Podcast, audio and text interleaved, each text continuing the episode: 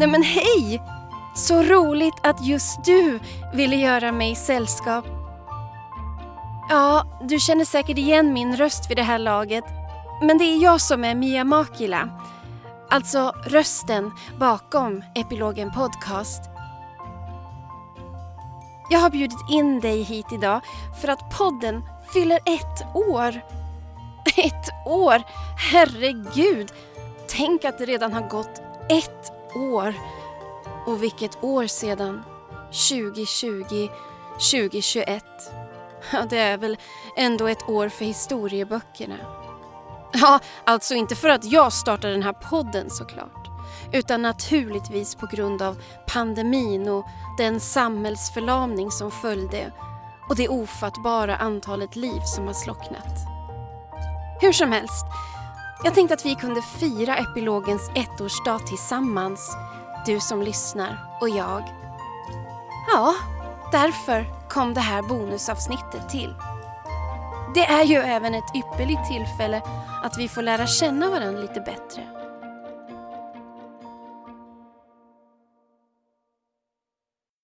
Men innan vi börjar bekanta oss med varandra så vill jag börja det här bonusavsnittet med att helhjärtat tacka dig som lyssnar. Du som följer, delar Även tack till dig som så generöst gett mig feedback och delat dina tankar om hur podden har hjälpt och stärkt dig. Tack till dig som bidragit med din kunskap och dina erfarenheter av psykisk och emotionell misshandel, eller det jag kallar missbehandel. Och ja, även tack till dig som faktiskt hittat en användning av de kreativa orden som jag skapar kring psykiskt våld för att göra det lite mer förståeligt. Det känns fantastiskt att veta att epilogen i alla fall har gjort lite skillnad på hur vi pratar om psykisk misshandel. För det är ju så, det vi inte har klockrena ord för kan vi heller inte tänka på eller prata särskilt konstruktivt om.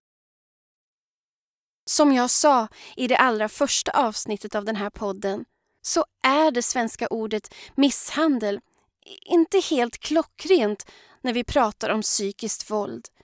Och särskilt inte när vi pratar om narcissistisk misshandel eftersom även de kärleksfulla, varma och lyckliga perioderna komplext nog är en del av den psykiska misshandeln. Många som utsätts för psykisk misshandel eller missbehandel förstår inte att det är med om misshandel eftersom vår allmänna uppfattning om konceptet misshandel är att det ska innehålla fysiskt våld eller aggressiva incidenter. Men faktum är att i många fall av missbehandel så ingår det varken aggressivitet eller fysiskt våld. Istället kan man leva i en, ja, vad ska man kalla det, en märklig atmosfär av skräck och obehag som liksom inte har någon direkt källa eller tydlig förklaring. Det kanske inte heller finns uttalade hot, inga direkta incidenter, utan det känns bara förlamande och förvirrande. Och istället för aggressiv så kan utövaren vara tyst, tillbakadragen, kylig ömklig eller upplevas som ett stackars offer som man vill ta hand om. Därför är språket så otroligt viktigt för hur vi uppfattar vad vi är med om.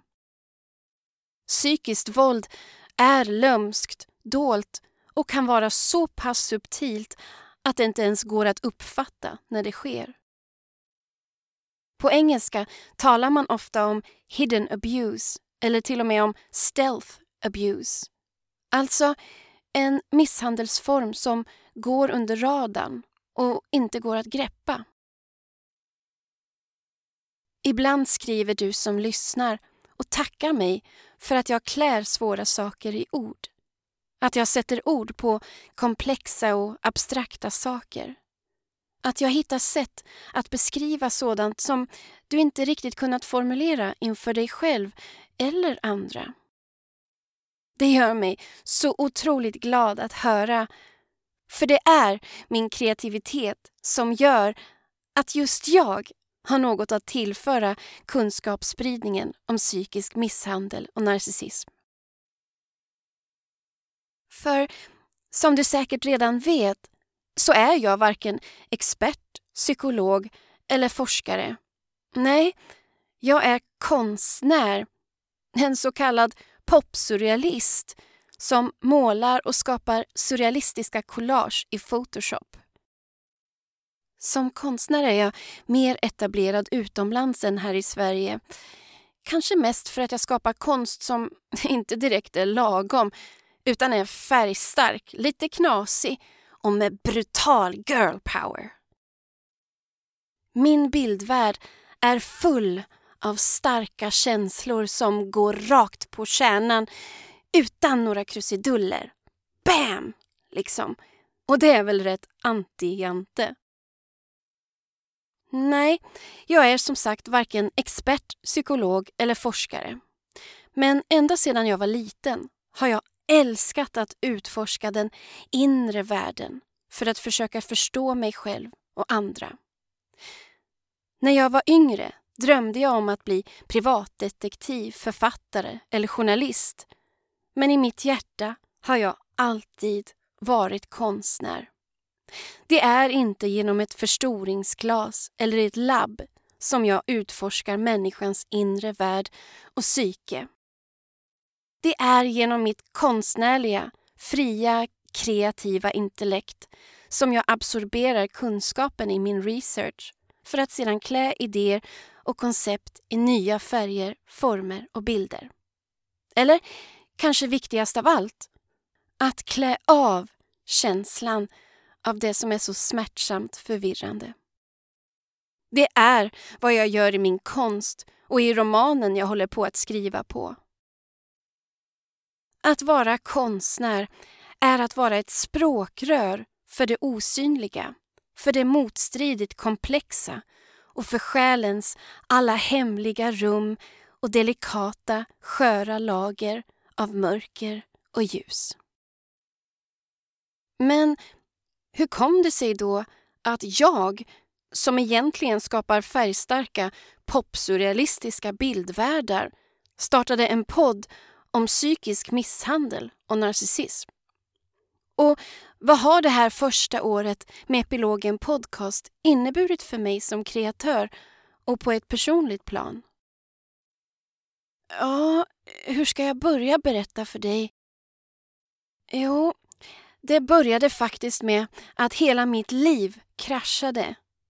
Eller rättare sagt, när mitt liv äntligen gick sönder på exakt rätt sätt.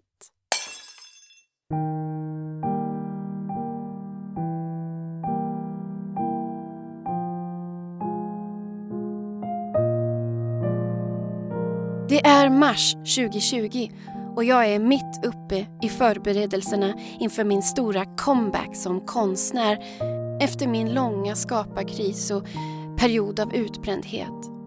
All psykisk misshandel hade resulterat i att jag helt hade slutat tro på mig själv och därför slutade jag att skapa konst. Men i mars 2020 skickade jag ut en pressrelease till lokal media som i princip säger Woohoo! I'm back! Äntligen! Efter tio år av en tung kamp av att hitta tillbaka till mig själv, min inre röst och min skaparglädje. Nu är jag äntligen redo att återvända till konstvärlden. Känner mig peppad och stark under 2019 har jag hittat tillbaka till skaparlusten och lyckats skapa en helt ny kollektion. Min bästa någonsin. Som totalt omdefinierar mitt varumärke. Allt är klart för att lanseras. Har till och med skapat en ny piffig hemsida alldeles själv och försökt sätta pris på alla nya verk även om det har varit svårt. Det har tagit mig två år att prissätta gamla och nya verk och jag är fortfarande inte nöjd. Vill verkligen inte vara för billig, men Vem fan är jag att värdera mig själv högt? Jag har ju varit borta så länge från konstvärlden. Jag har glömt bort allt det här med prissättning.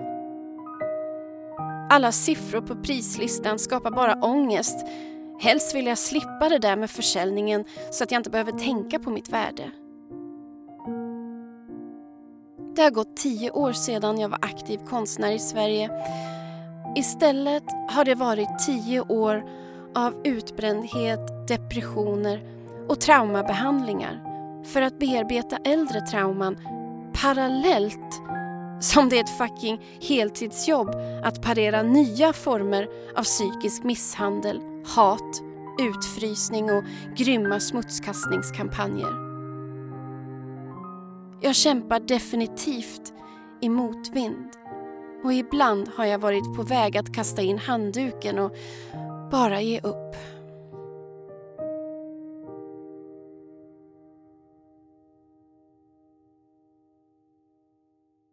Några dagar efter jag är med i lokala medier för att berätta om min comeback så bryter pandemin ut.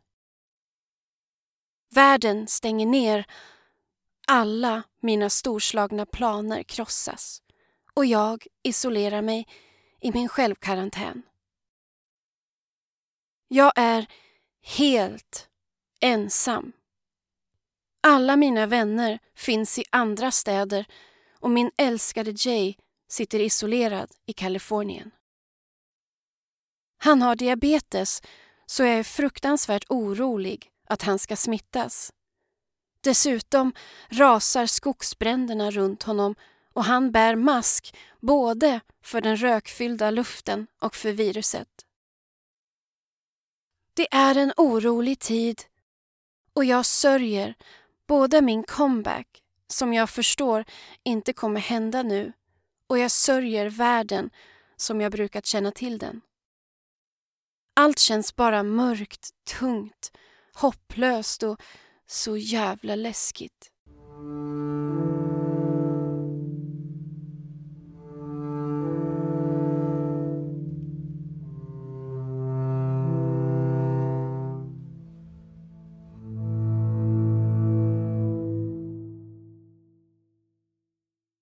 Efter ett par månader i isolering upphör den värsta ångesten. Jag accepterar att min karriär återigen är stendöd, både i Sverige och utomlands.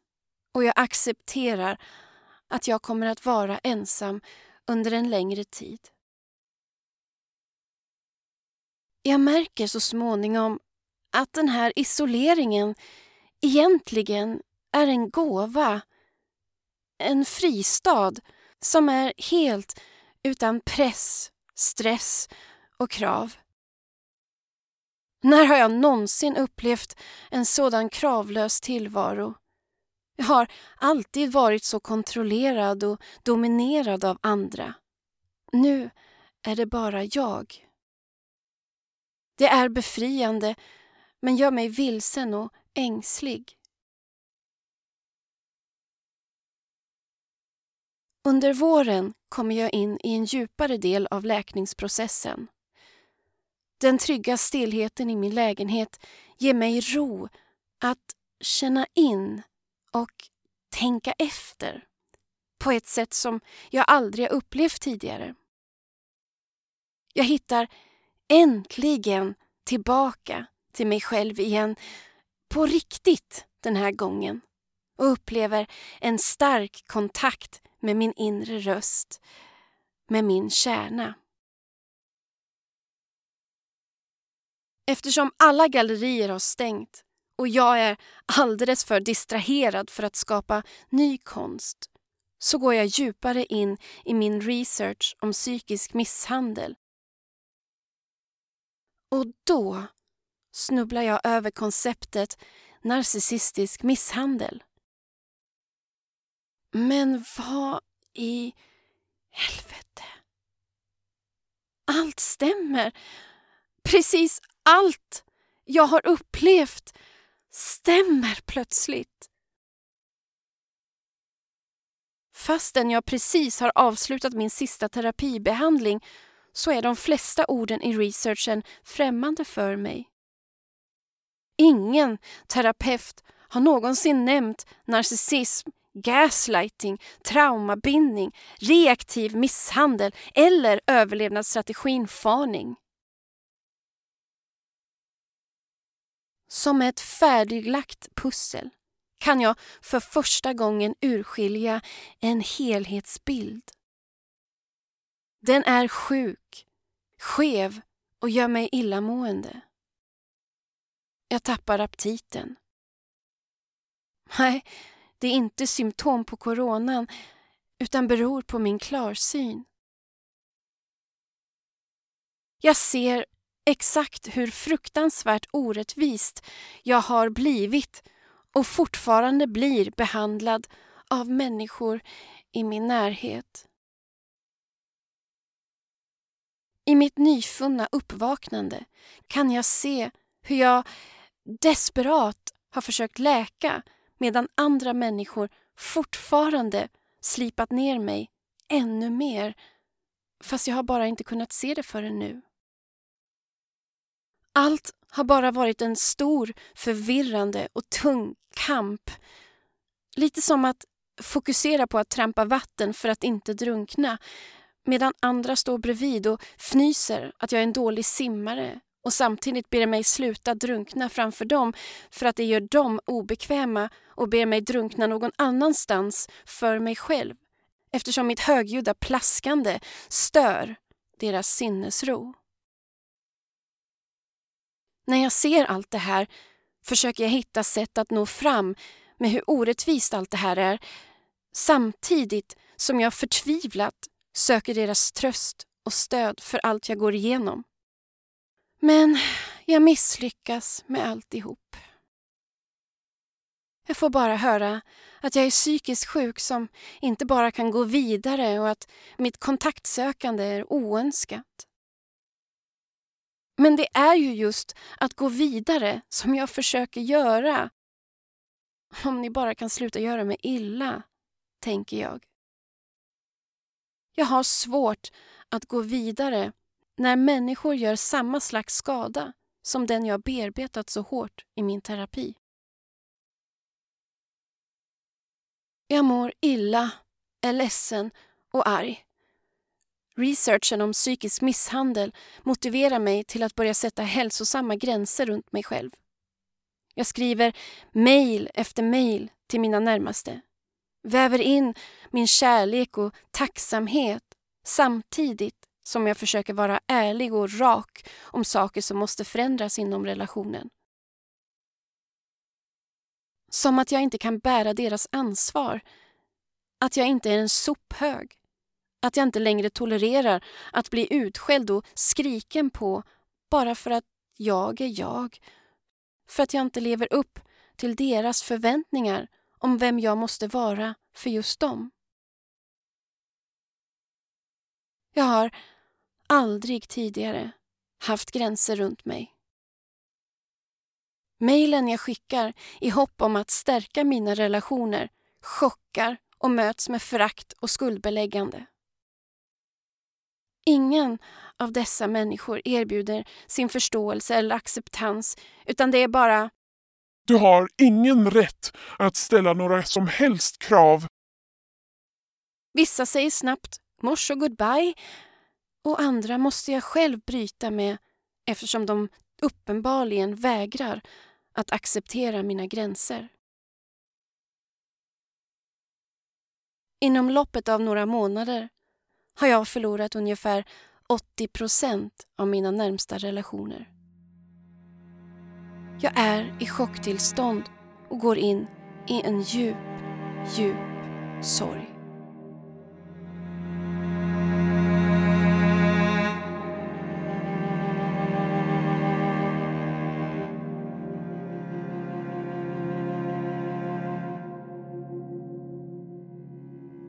Är så vansinnigt mycket förluster på en gång. Karriären. Framtidsplanerna. Och relationerna. medan nyheterna berättar om alla människor som dör i corona och världen som går sönder lite mer för varje dag.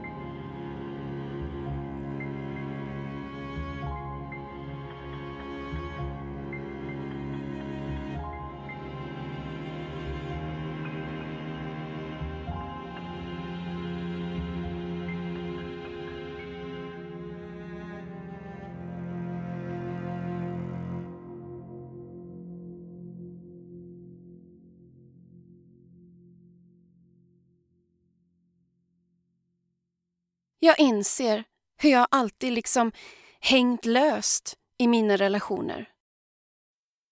Det tog bara en enda gränsdragning. Ett enda tillfälle då jag uttryckte mina behov och en önskan om hänsyn och respekt. Jay stöttar på kvällarna eftersom det är nio timmars tidsskillnad mellan oss. Men Dagarna är fulla av sorg, smärta och jag mår kroniskt illa. Har aldrig känt mig så fucking ensam och övergiven trots att jag själv har valt att lämna vissa relationer. Det sårar och smärtar att de inte kämpar för att behålla mig i deras liv. De släpper taget och kränger på sig offerkoftan. Men jag har heller aldrig känt mig starkare. För första gången har jag stått upp för mig själv trots att jag har känt att jag hänger löst inom mina relationer. Det är så många motstridiga känslor. Jag fulgråter, kräks, tröstäter mums-mums och muffins, borrar in mig i famnen av min Chesterfield-fåtölj eftersom jag inte har en enda människa att krama. Jag gråter ännu mer, jag är arg, smäller i skåp och lådor, svär, pekar finger ut i luften, säger fuck you, fuck you, fuck you! Det är omöjligt att fokusera på konsten. Jag slutar återigen att skapa och låter sparpengarna rinna ut i en deprimerande arbetslöshet. Jag slussas in i Arbetsförmedlingens program och allt jag kämpat för, att bli stark i mig själv, slipas återigen ner för att jag ska kunna bli normal, tyst och följsam så att jag kan ta ett vanligt jobb. Ingen vill ju ha en stresskänslig och superkreativ konstnär som känner och tänker. Eller så känner jag bara så eftersom mina närmsta tydligen inte vill ha mig. Vem fan vill ha mig? undrar jag plötsligt. Och det gör mig skräckslagen att återigen tappa bort mig själv för att kunna bli accepterad av andra. Till slut orkar jag inte kämpa emot ångesten och sorgen längre utan söker mig till psykiatrivården. Det blir många samtal med vården som resulterar i en remiss och sedan fem möten med både sköterskor, psykiatriker och psykologer. Det är tester efter tester, urinprov, blodprov och kryss och svar i självskattningsformulär. Därefter ringer psykologen på kliniken och vi bokar in ett möte om resultaten. Om det mötet skriver jag detaljerat om i min terapidagbok så fort jag kommer hem, för det blev ett avgörande livsögonblick för mig. Och det blev också startskottet för Epilogen Podcast.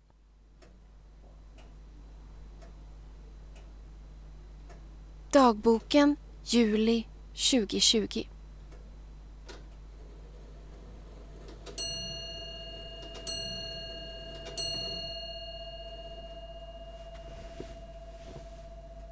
Nu är det så här Mia, att vår utredning visar att du inte är i behov av någon specialistvård resultaten av våra tester visar att du inte har någon som helst psykisk sjukdom.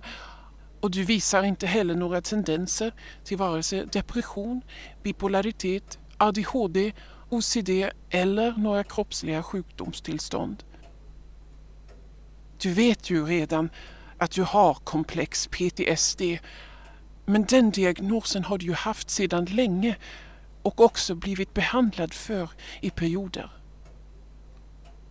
Så tyvärr Mia kan vi inte erbjuda dig någon psykologbehandling här på kliniken. Men jag är ju i kris. Vad ska jag göra nu?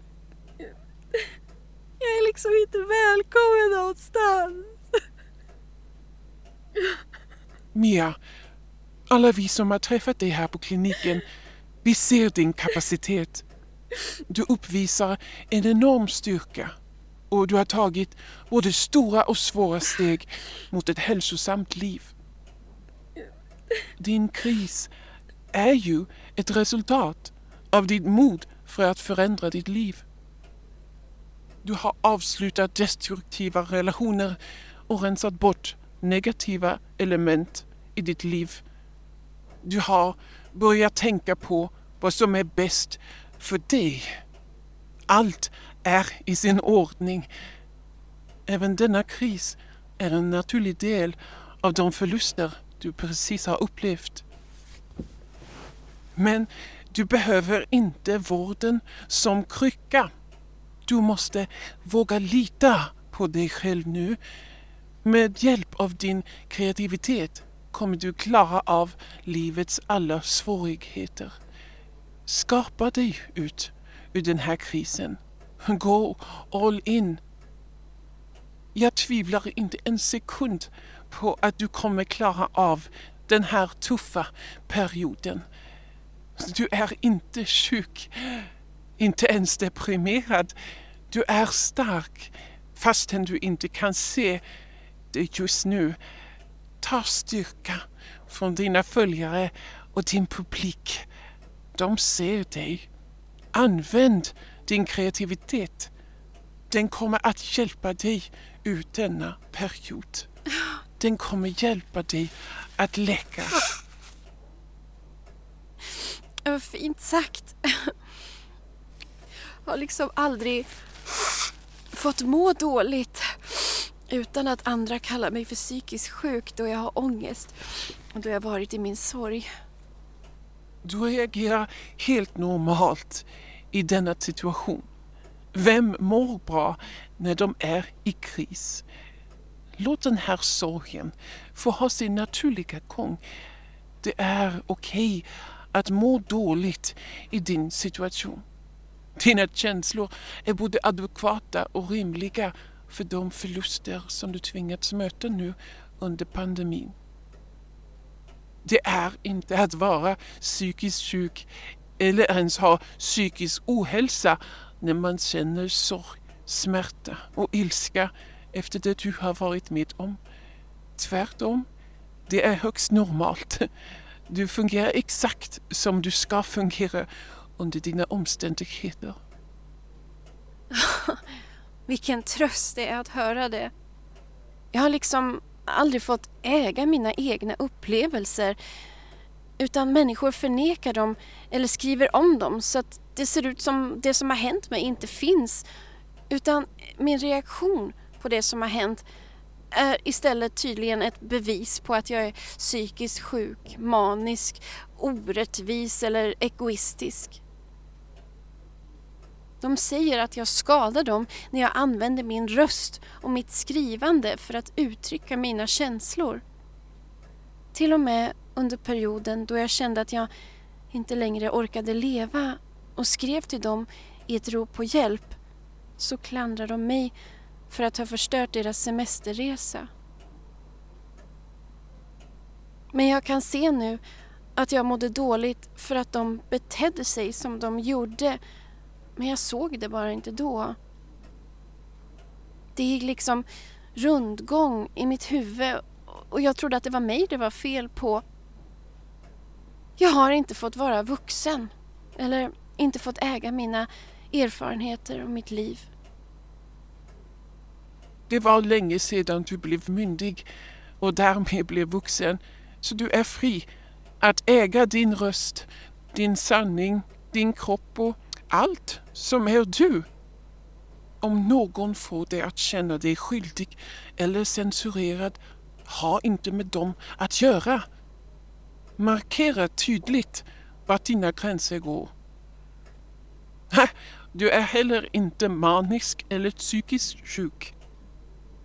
Det är både starkt och friskt att du bearbetar det du har varit med om, både i dina bilder och i ditt skrivande, för att kunna förstå dem och sedan lämna det bakom dig. Fortsätt ladda ur dig all skit så du sedan kan börja om. Framtiden är din, Mia. Du behöver inte vårdens stöd längre. Det du behöver är att vara kreativ och fri. Ja, det är, Det är så. nu du ska börja leva istället för att överleva. Det är så märkligt.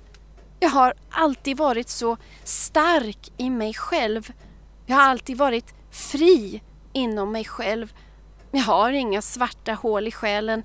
Det är andra som har tvingat på mig svärta från deras egna mörka själahål.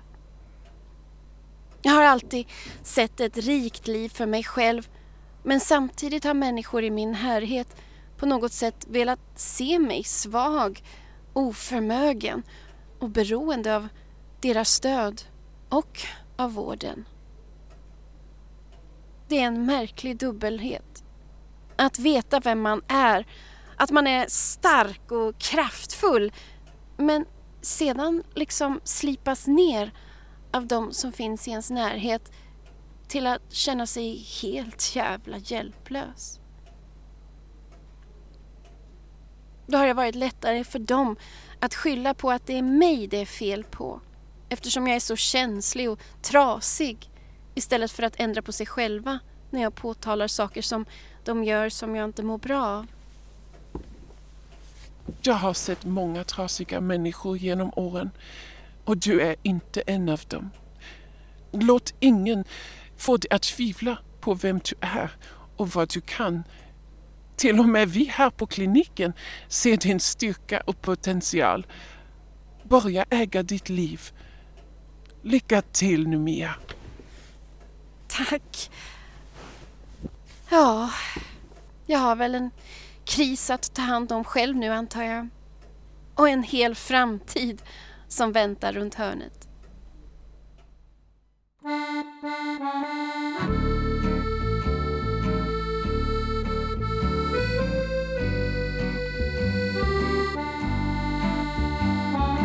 Efter det där mötet med psykologen så vänder allt.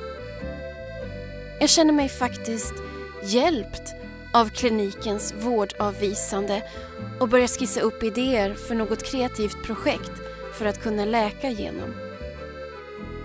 Det är ju liksom doctor's order.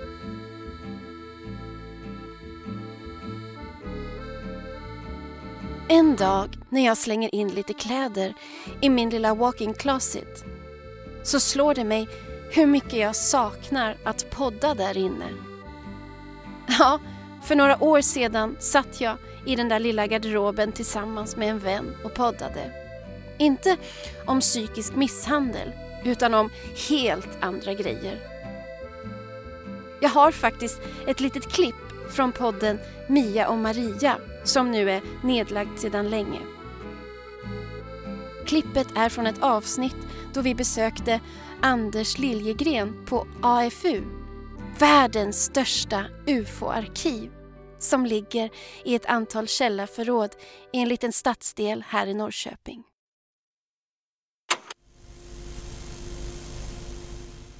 Men eh, har ni svenska, alltså typ kända svenskar som har kommit med tips och så? Gösta Linderholm, Jaha, okej. sångaren. Ja. Han var på eh, en UFO-konferens eh, 90 90-talet någon gång. Hans fru filmade ett, ett UFO, en någonting, eller någonting konstigt alltså som passerar framför bilen. eh, när de körde genom eh, Alperna. Jaha, vad intressant. Ja. Ja. Och han, han, han, höll, han hade den där filmen med sig, hade den i portfölj under armen så här. Eh, var han släppte inte den där jädra portföljen alltså. Men är det så att utländska medier också kommer hit och gör intervjuer? Ja då, vi har haft... Eh, vi hade eh, på 90-talet så hade vi Sci-Fi Channel här. Men du refererar väldigt ofta till 90-talet i ett glapp där känns det som. Det var faktiskt eh, 90-talet. Det har inte hänt Nej, precis. Och titta, där är såna här gamla filmrullar. Det här gamla tejp, Nej, gamla ljudband. Eh, just det här bandet är en eh, kontaktman som heter Dan Fry som påstår att han blev eh, ombordtagen och eh, fick göra en resa ut i rymd i vårt solsystem. Men oj då, Han wow. var, han var en NASA-anknuten eh, med lite vetenskapliga mm, bakgrund. Sådär. Har ni utrustning så att ni sitter och lyssnar på det här ibland också? Det Eller? här eh, kräver ju en mikrofilmsläsare. Ja, har ni det? Vi har haft en Eller mikrofilmsläsare. trasig? Eh, den eh, gick åt fanders för... På 90-talet? Utan, nej, vi köpte den nog på 90-talet. Ja, du ser. Det var på 00-talet när exploderade, då fick det vara nog. Jag står där och tittar på garderoben som fortfarande är ljudisolerad med röda sammetsdraperier och Blue Jedi-mikrofonen står fortfarande kvar på det lilla bordet där inne. Som om den väntar på att jag ska säga något mer i den. Som om jag och mikrofonen har unfinished business. Jag stänger dörren till garderoben, slänger mig i soffan med ett anteckningsblock och kluddrar ner lite tankar. Starta podd? Frågetecken. Om vad? Psykisk misshandel? Frågetecken. Titelförslag. Liket i garderoben. Eller? Liket i garderoben? Förvisso skulle jag ju sitta i en garderob och podda men det är ju inte jag som har lik i garderoben. Nej, det måste finnas ett bättre poddnamn. Några veckor senare snubblade jag över det engelska ordet epilog, epilogen, i mitt Facebookflöde och det känns bara så klockrent. Jag befinner mig ju i epilogen av min berättelse. Jag befinner mig ju i efterarbetet, i pusslandet, i processen av att försöka förstå vad fan det är jag har överlevt. Jag rensar ur garderoben, dammar av mikrofonen, intensifierar researcharbetet och skissar upp idéer till avsnitt. Men jag har ett problem. Ett stort problem. Under alla år som jag har blivit missbehandlad har de som velat kontrollera mig gjort klart för mig att det finns några saker som jag absolut inte under några omständigheter får lov att göra. Som till exempel att använda mina talanger och nå min fulla potential.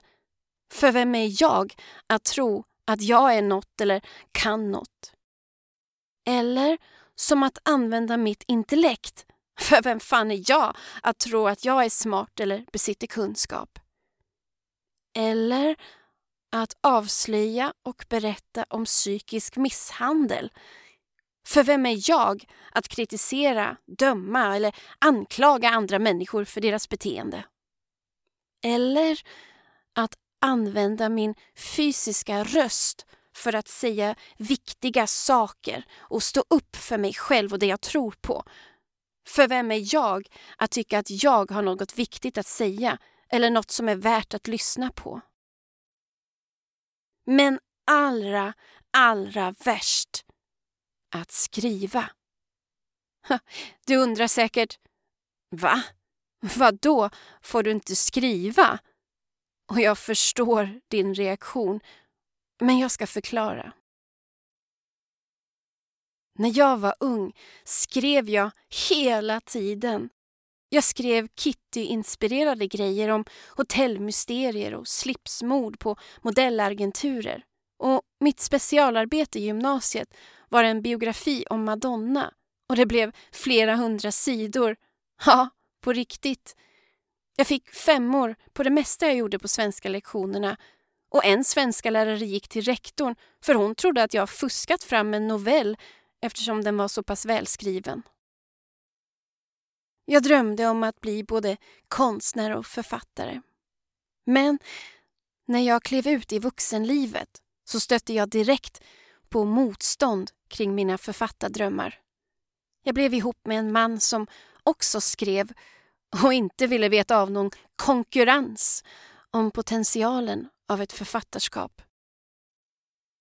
Jag blev både misshandlad med fysiskt och psykiskt våld och så nedbruten att jag slutade skriva. Ja, alltså bortsett från att det var jag som skrev hans akademiska uppsatser åt honom eftersom han inte klarade det själv. Efter jag lyckades lämna den abusiva relationen så fortsatte dock detta mm, psykologiska förbud mot att få skriva då människor i min närhet inte heller ville veta av min potential som blivande författare. Varje gång jag har gjort försök att återerövra denna gåva har jag nästintill blivit utplånad som människa och kreatör. Med hat, frakt, sabotage, utfrysning och smutskastningskampanjer. Men nu, efter alla förluster, känner jag bara Fuck it, jag kör. Det är så här jag behöver läka. Det är så här jag återtar makten över livet och allt som är mitt. Hösten kommer 2020 och jag tar långa promenader och filosoferar över vad det är jag vill säga i podden och vad just jag har att tillföra i kunskapsspridningen om psykisk misshandel. Jag vandrar över kastanjer, ekollon och gamla löv och funderar och funderar.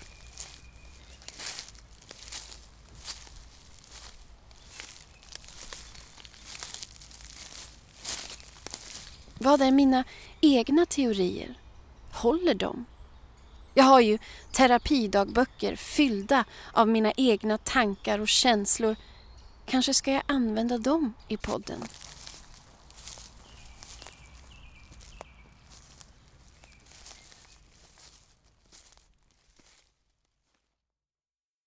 Under de följande veckorna skriver jag intensivt på första manuset.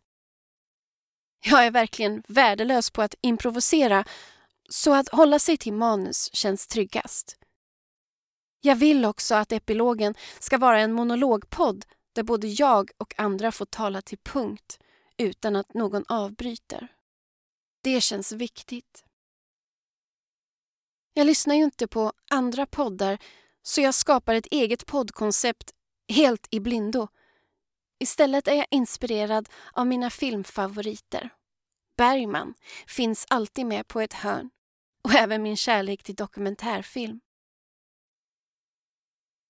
Därefter sätter jag mig i min lilla garderob och spelar in Det dolda våldet, de två Martina, första avsnitten av Epilogen podcast. podcast. En helt ny podd om Jag snubblar mig igenom inspelningen, mår illa. Jag känner mig rädd. Vilket straff kommer nu när jag har varit olydig nog att använda allt det där som varit förbjudet så länge jag kan minnas. Det blir en ängslig inspelning, men jag kör på, pushar vidare. Jag gör det för min skull, men även för andra överlevares skull och jag påminner ständigt mig själv om att det är doctors orders. Jag lanserar en Instagramsida för Epilogen Podcast och i slutet på första veckan har jag 23 följare. Jag postar lite teaserinlägg om premiäravsnittet men har ingen aning om hur podden kommer att tas emot. Men jag vill bara sprida allt som jag lärt mig genom min research för att hjälpa andra att vakna upp och läka precis som jag själv gör just nu. Kan jag läka genom det här materialet så kan säkert andra göra det också.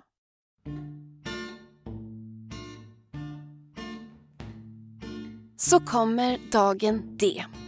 Den 13 oktober 2020 lanserar jag Epilogen Podcast och det är svårt att få ut den till allmänheten när jag inte har någon budget. Men folk hittar ändå podden och lyssnar. Nästan på en gång får jag in meddelanden från andra överlevare som vill dela med sig av sina berättelser i podden. Blir så rörd och glad.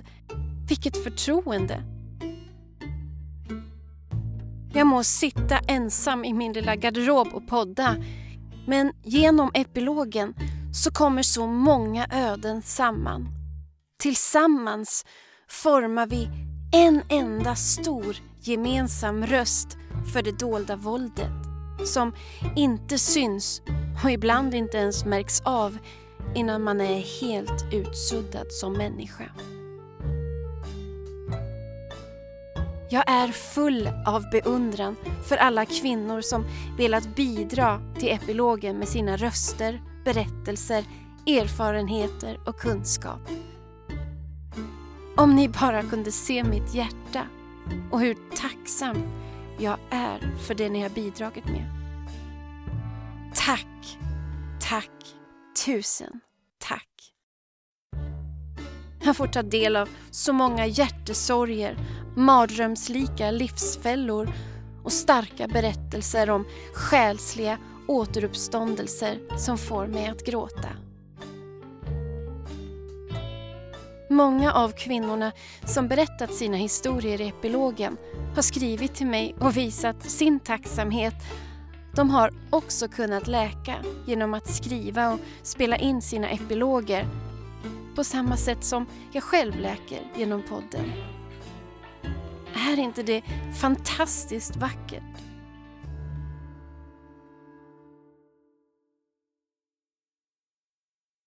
De smärtsamma förlusterna som lade grunden till Epilogen Podcast bleknar verkligen i jämförelse med det jag har vunnit genom podden. På bara ett år har fått nya bekantskaper, vänskaper, kontakter och en helt ny publik. Och som jag uppskattar dig som lyssnar, om du bara visste. Genom podden har också min fysiska röst blivit mer stadig och kraftfull. Och jag skriver och skriver på mina manus och blir en bättre författare för varje avsnitt. En bättre storyteller. Jag leker med poddformatet, experimenterar med kreativa inslag och filar på min retoriska förmåga. Epilogen är min kreativa skola. Jag är ju självlärd i alla kreativa uttryckssätt. Så jag leker mig alltid fram till resultat.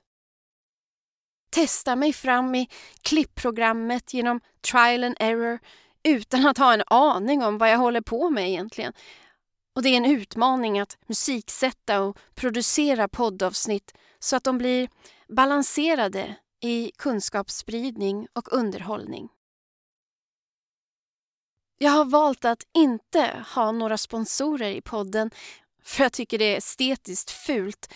Som att ha ett klistermärke mitt på en vacker målning. Men också för att musiken jag använder i avsnitten inte får användas i kommersiella syften. Och för mig är estetiken och känslan i podden mycket viktigare än att jag får in pengar från sponsorreklam som ändå bara stör flödet i avsnitten. Runt avsnitt fyra, Dold narcissism, så känner jag att podden har hittat sitt rätta uttryck. Det innehåller både fakta och teater varvat med musik och ljudillustrationer. Jag tror verkligen att vi människor bäst tar in komplex kunskap genom att få våra sinnen stimulerade. Så Att hitta sätt att överraska dig som lyssnar gör att du är mer uppmärksam på innehållet i avsnitten. När jag startade epilogen hade jag verkligen ingen aning om att jag skulle testa på att skådespela i podden. Inte nog med att jag är poddens manusförfattare och poddare, klippare och poddproducent. Jag är även stundvis regissör och skådespelare. Jag har väl eh, spelat eh, mer än tio olika karaktärer i epilogen nu. Inklusive en bläckfisk. Det finns endast två saker jag är helt säker på här i livet. Att jag en dag kommer dö och att jag inte kommer vinna någon Oscarsstatyett för mina skådespelartalanger. Men jag har kul när jag spelar in karaktärerna och det räcker för mig. Du förstår, jag har ett litet klipp här som bevisar att det ibland är svårt att hitta och sen behålla rösten till karaktärerna. Här. Du förstår. Det här... Här, ta ett... Du förstår... Jag tappar rösten, jag tappar rösten. Herregud. Här. Du förstår, det här... Shit. Här. Här har du... Det där gick inte. Du förstår, det är det här som gaslighting handlar om. Att så frön... Nej, jag har tappat rösten. Här. Du förstår, det är... Vad fan vad dåligt! Du förstår att det är det här som gaslighting handlar om. Att så frön... Eh, it's a fucking mess. Här, ta den i din hand. Du förstår att det är det här som gaslighting handlar om. Att så frön, så små att de inte ens märks av.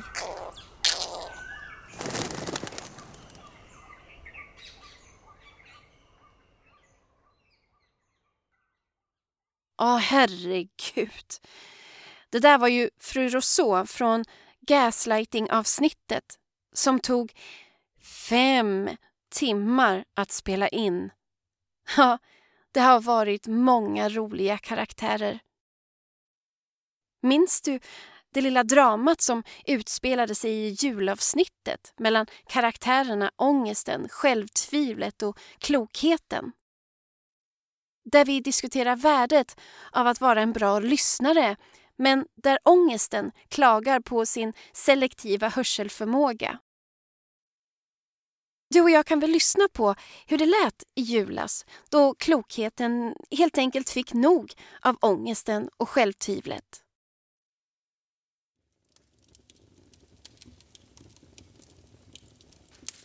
Och det här med att lyssna, det är så himla viktigt. Eller vad säger ni? Jag har en sån förbaskat dålig hörsel ser du. På vänster öra sitter en sån stor och envis vaxpropp att jag är rädd att om det ploppar ut kommer hela förståndet spruta ut. Och på eh, höger öra hör jag som en treåring och jäkligt selektivt dessutom. Jag hör alltid saker från två olika perspektiv. Det är som om ena örat hör det här kommer gå jättebra och andra örat hör något helt annat Aldrig! Det här kommer inte gå bra alls. Och då blir jag så osäker och börjar vela och vet inte vilket öra jag ska lyssna med. Men hör ni inte hur ni låter? Det är faktiskt farligt att lyssna på er. Kära lyssnare, sluta omedelbums att lyssna på ångesten och självtvivlet.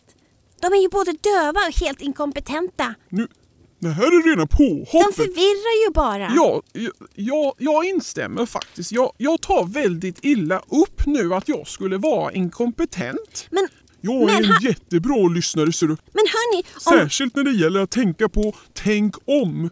Helvete vilken kapacitet jag har att lyssna då. Man kan säga att jag vänder och vrider på allt för att verkligen försäkra mig om att jag verkligen tar ett bra beslut. Visserligen brukar jag bli lite paralyserad av min beslutsångest då, så ofta blir det inte något beslut alls. Men om de som lyssnar på den här podden skulle lyssna på er skulle det inte leda till något bra alls. Skärp er! Det, det här är jäkligt orättvis kritik. Men hörni, nu tycker jag att vi avbryter den här diskussionen. Det här är ju ett feel good avsnitt Har ni glömt det?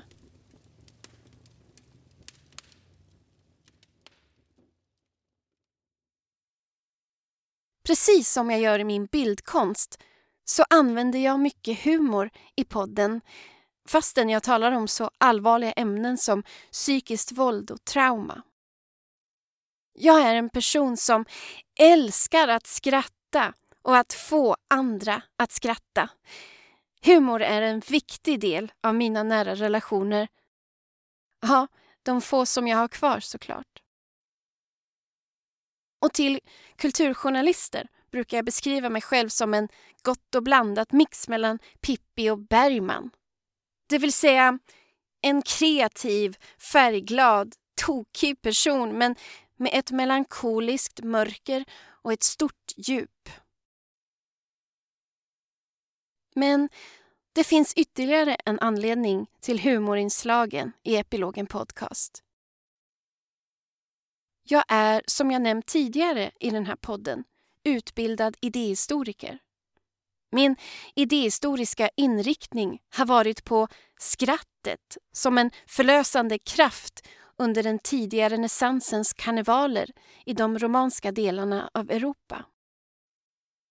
För att förklara lite snabbt. Under dessa karnevaler, som inträffade under perioden före den årliga fastan, slutade människor att arbeta och livet blev liksom som en festlig upp och nervänd värld där allt som var förbjudet plötsligt blev tillåtet. Man frossade i kött, därav namnet karneval som betyder något i stil med hej då till kött i samband med den kommande fastan. Man fick dricka sig full, klä ut sig eller gå naken utan att bli skammad. Eller ha sex på förbjudna sätt utan att bli arresterad.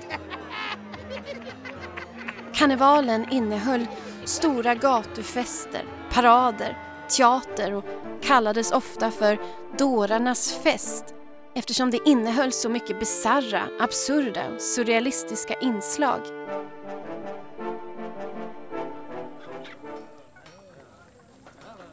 Skrattet hade en befriande verkan för de annars hämmade människorna som nu kunde lätta på trycket under en period om året.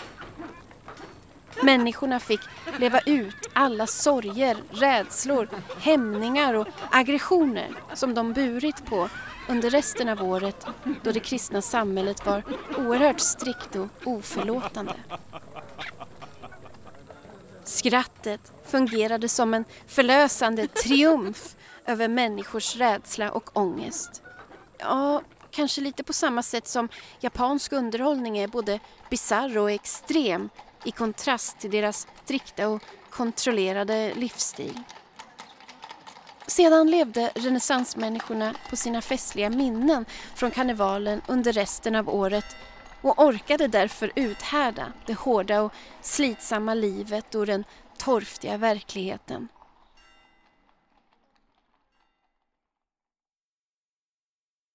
På samma sätt tror jag att humor är läkande för oss som överlevt missbehandel och trauma.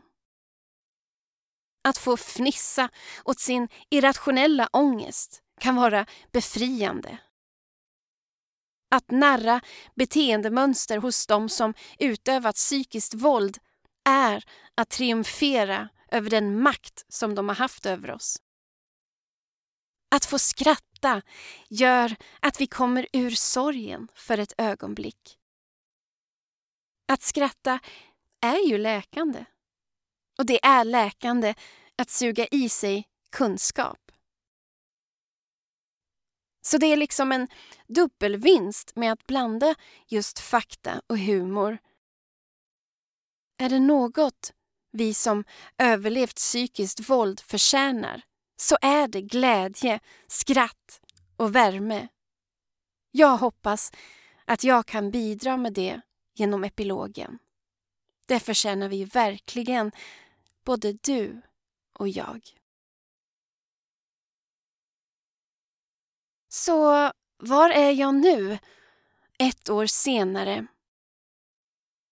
Medan podden långsamt växer sig större och till och med har hamnat på poddtoppen så har jag läkt, läkt och läkt genom researchen jag gör till avsnitten och genom min kontakt till dig och andra som lyssnar. Jag har gråtit medan jag har klippt avsnitten, kramat om mig själv i studion och försökt att rå om mig själv så mycket jag bara kan.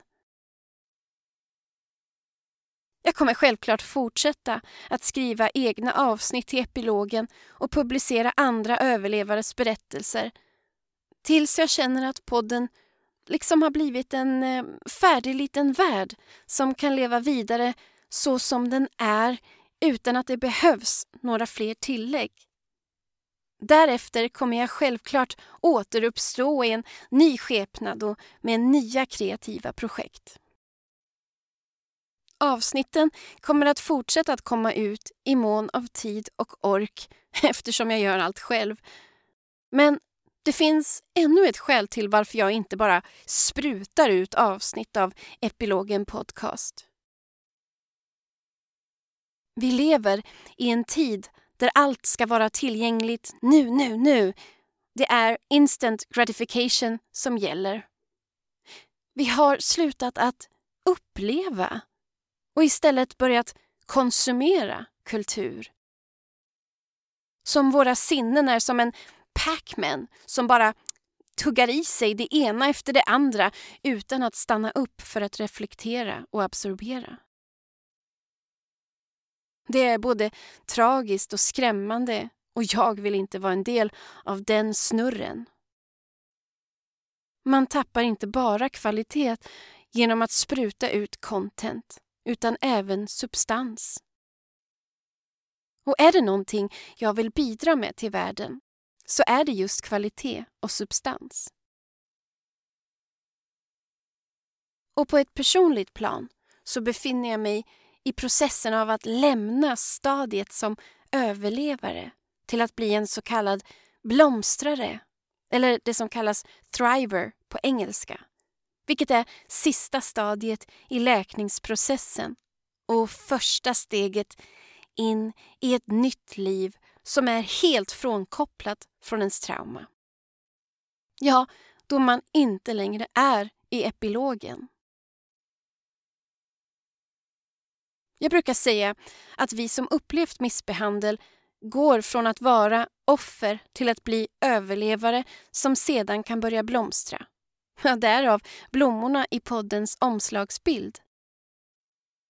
Processen att bli en blomstrare är både fantastisk, befriande och lite läskig. Att lämna läkningsprocessen innebär ju att möta det okända, det ovissa och det främmande ljuset i slutet av tunneln. Det är alltså inte döden, utan jag talar om det goda livet. Jag känner mig lite sårbar och hudlös i detta läge. Att det som för några år sedan kändes helt omöjligt nu faktiskt är möjligt innebär ju att jag ansvarar över mig själv och mitt liv. Jag är i kontroll över mitt liv och det är jag som sitter bakom rodret. Det är en ny känsla när man har varit van vid att det alltid är någon annan som styr och bestämmer över ens liv, kropp, tankar och känslor. De fina orden jag fått om podden hjälper och stärker min nyfunna förståelse om att jag kan och är kapabel till att uppnå vad jag än vill åstadkomma. Men viktigast, att jag har något viktigt och gott att addera till världen.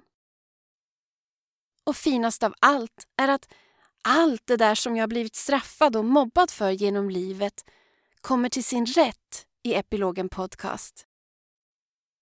Min starka inre röst, mitt fria intellekt, min känslighet, min innerlighet, mitt driv att avslöja det som skadar och skaver, att jag gör saker på mitt sätt utan att hålla tillbaka någonting och att alltid försöka hitta lite, lite magi för att göra världen lite mer levande. Nu gäller det att förvalta och utveckla allt det här. Vem vet vad jag har att erbjuda världen i framtiden? Har ingen aning. Det får väl tiden utvisa, antar jag.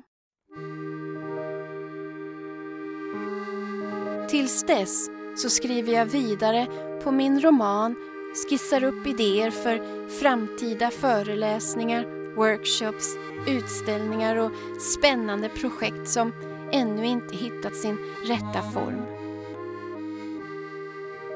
Min krossade karriär har tagit en ny riktning och form. Konstnär kommer jag alltid att vara men under isoleringen av pandemin har jag upptäckt många nya kreativa sidor hos mig själv som jag vill utforska. Men en sak vet jag helt säkert. Ju mer jag läker och skapar avsnitt till epilogen, desto ljusare ser min framtid ut. Ja, nu vet du lite mer om mig, men om du fortfarande känner dig nyfiken på mig, min konst eller podden så hittar du allt du behöver på miamakila.com. Tack för att just du ville komma och fira Epilogen Podcast som idag fyller ett år. Grattis Epilogen Podcast! Puss och kram! Vi hörs i nästa avsnitt.